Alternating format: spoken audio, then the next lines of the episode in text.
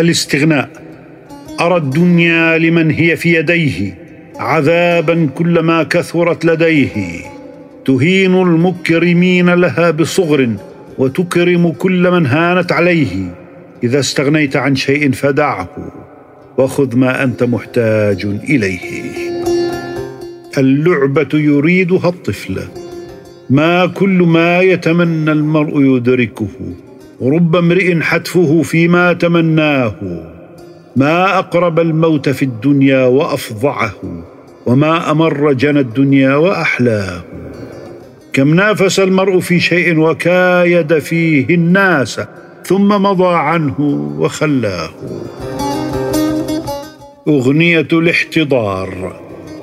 وإذا أفنى سنيه المرء أفنته سنوه. وكأن بالمرء قد يبكي عليه أقربوه. وكأن بالقوم قد قاموا فقالوا أدركوه سائلوه كلموه حركوه لقنوه. فإذا استيأس منه القوم قالوا حرفوه. حرفوه وجهوه مددوه غمضوه.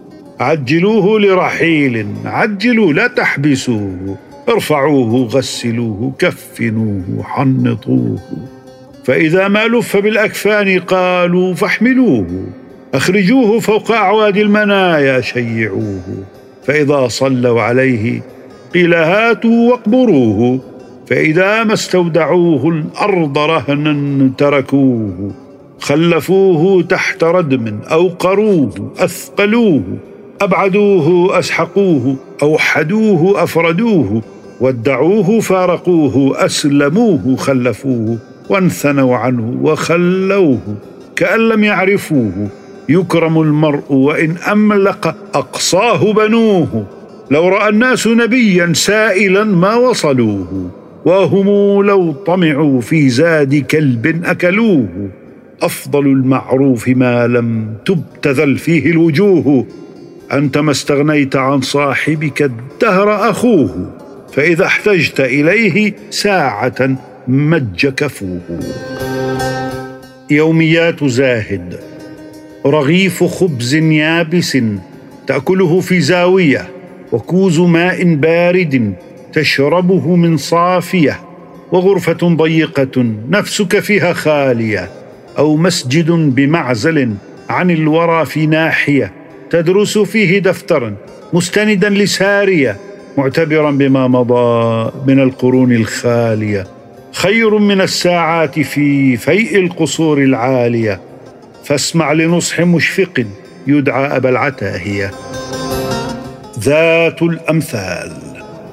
الحمد لله على تقديره وحسن ما صرف من أموره.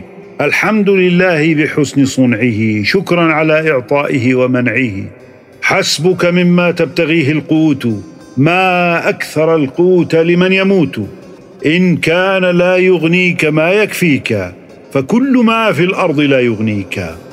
الفقر فيما جاوز الكفاف من عرف الله رجا وخاف.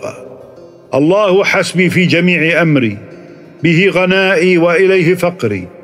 لن تصلح الناس وأنت فاسد هيهات ما أبعد ما تكابد. لكل ما يؤذي وإن قل ألم ما أطول الليل على من لم ينم. من جعل النمام عينا هلك مبلغك الشر كباغيه لك. المكر والخب أداة الغادر والكذب المحض سلاح الفاجر. أستودع الله أموري كلها إن لم يكن ربي لها فمن لها. ما عيش من آفته بقاؤه. نغص عيشا طيبا فناؤه. إن الشباب والفراغ والجدة مفسدة للمرء أي مفسدة. يا للشباب المرح التصابي روائح الجنة في الشباب. هي المقادير فلمني أو فذر. إن كنت أخطأت فما اخطا القدر. إن الفساد ضده الصلاح ورب جد جره المزاح. ما تطلع الشمس ولا تغيب إلا لأمر شأنه عجيب. لكل شيء معدن وجوهر وأوسط وأصغر وأكبر. من لك بالمحض وليس محض. يخبث بعض ويطيب بعض. إنك لو تستنشق الشحيح وجدته انتن شيء ريحا يا عاشق الدنيا تسل عنها. ويلي على الدنيا وويلي منها. للموت بي جد وأي جدي ولست للموت بمستعد. ما انتفع المرء بمثل عقله وخير ذخر المرء حسن فعله. نطلب أن نبقى وليس نبقى. كل سيلقى الله حقا حقا. لا تبغ ما يجزيك منه دونه. وإن رأيت الناس يطلبونه ما زالت الدنيا لنا دار أذى ممزوجة الصفو بألوان القذى. يا رب أسعدني بما علمتني ولا تهني بعد إذ أكرمتني. قدم لما بين يديك قدمي اف وتف لعبيد الدرهم. أسلم مقبورا مشيعوه. انصرفوا عنه وخلفوه.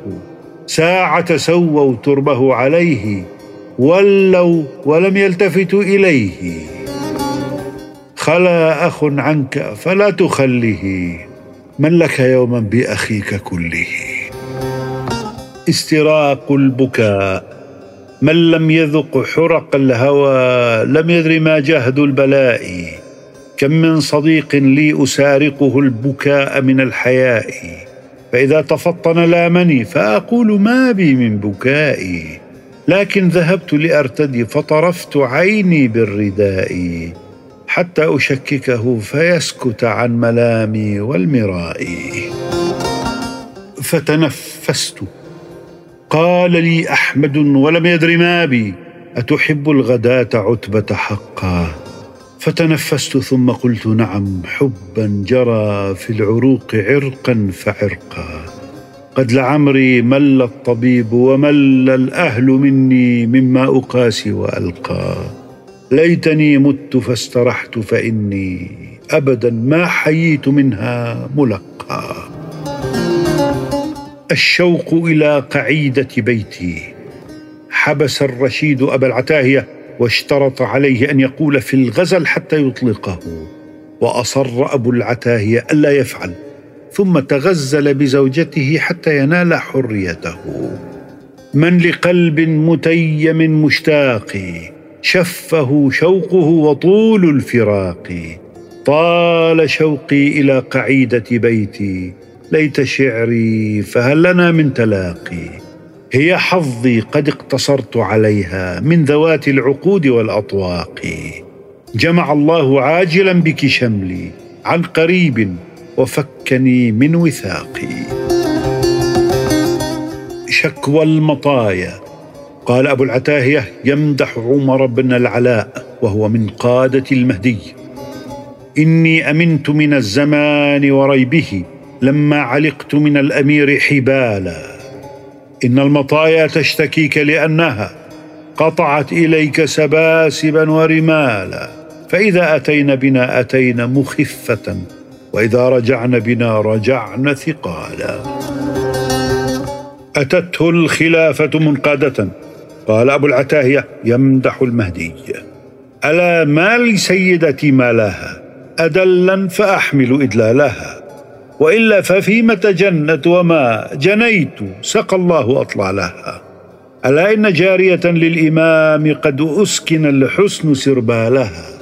مشت بين حور قصار الخطى تجاذب في المشي أكفالها.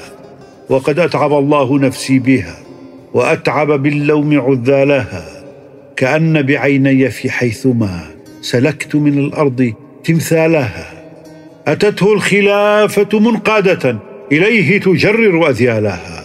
ولم تك تصلح إلا له. ولم يك يصلح إلا لها. ولو رامها أحد غيره لزلزلت الأرض زلزالها. ولو لم تطعه بنات القلوب لما قبل الله أعمالها. وإن الخليفة من بغض لا إليه ليبغض من قالها. أخت بني شيبان قال أبو العتاهية يهجو عبد الله ابن معن ابن زائدة. سبحان من خص ابن معن بما أرى به من قلة العقل. قال ابن معن وجلى نفسه على القرابات من الأهل. أنا فتاة الحي من وائل في الشرف الشامخ والنبل. ما في بني شيبان أهل الحجى جارية واحدة مثلي. اخت بني شيبان مرت بنا ممشوطة كورا على بغلي. تكنى أبا الفضل ويا من رأى. جارية تكنى أبا الفضل. قد نقطت في وجهها نقطة مخافة العين من الكحل. ما قلت هذا فيك إلا وقد جفت به الأقلام من قبلي. حجبوها عن الرياح. بيتان لأبي العتاهية ثم بيتان لماني الموسوس. حجبوها عن الرياح لأني قلت يا ريح بلغيها السلام. لو رضوا بالحجاب هان ولكن منعوها يوم الرحيل السلاما فتنفست ثم قلت لطيفي ويك لو زرت طيفها إلماما حيها بالسلام سرا وإلا منعوها لشقوتي أن تنام أنت أكبر همي. قل لمن لست أسمي. بأبي أنت وأمي. بأبي أنت لقد أصبحت من أكبر همي. من يكن يجهل ما ألقى فإن الحب سقمي. إن روحي لببغداد وبالكوفة جسمي. غدر الزمان وأهله. أجفوتني في من جفاني وجعلت شأنك غير شاني. ولطالما أمنتني مما أرى كل الاماني حتى إذا انقلب الزمان علي صرت مع الزمان. الشجي والخلي اخلاي بي شجو وليس بكم شجو وكل امرئ عن شجو صاحبه خلو. وما من محب نال ممن يحبه هوى صادقا إلا سيدخله زهو. رأيت الهوى جمر الغضا غير أنه على كل حال عند صاحبه حلو. الواعظ والمتعظ ألا من لي بأنسك يا أخي؟ ومن لي أن ابثك ما لدي؟ طوتك خطوب دهرك بعد نشر كذاك خطوبه نشرا وطيا بكيتك يا علي بدمع عيني فلم يجد البكاء عليك شيئا. كفى حزنا بدفنك ثم أني نفضت تراب قبرك من يدي. وكانت في حياتك لي عظات وأنت اليوم أوعظ منك حيا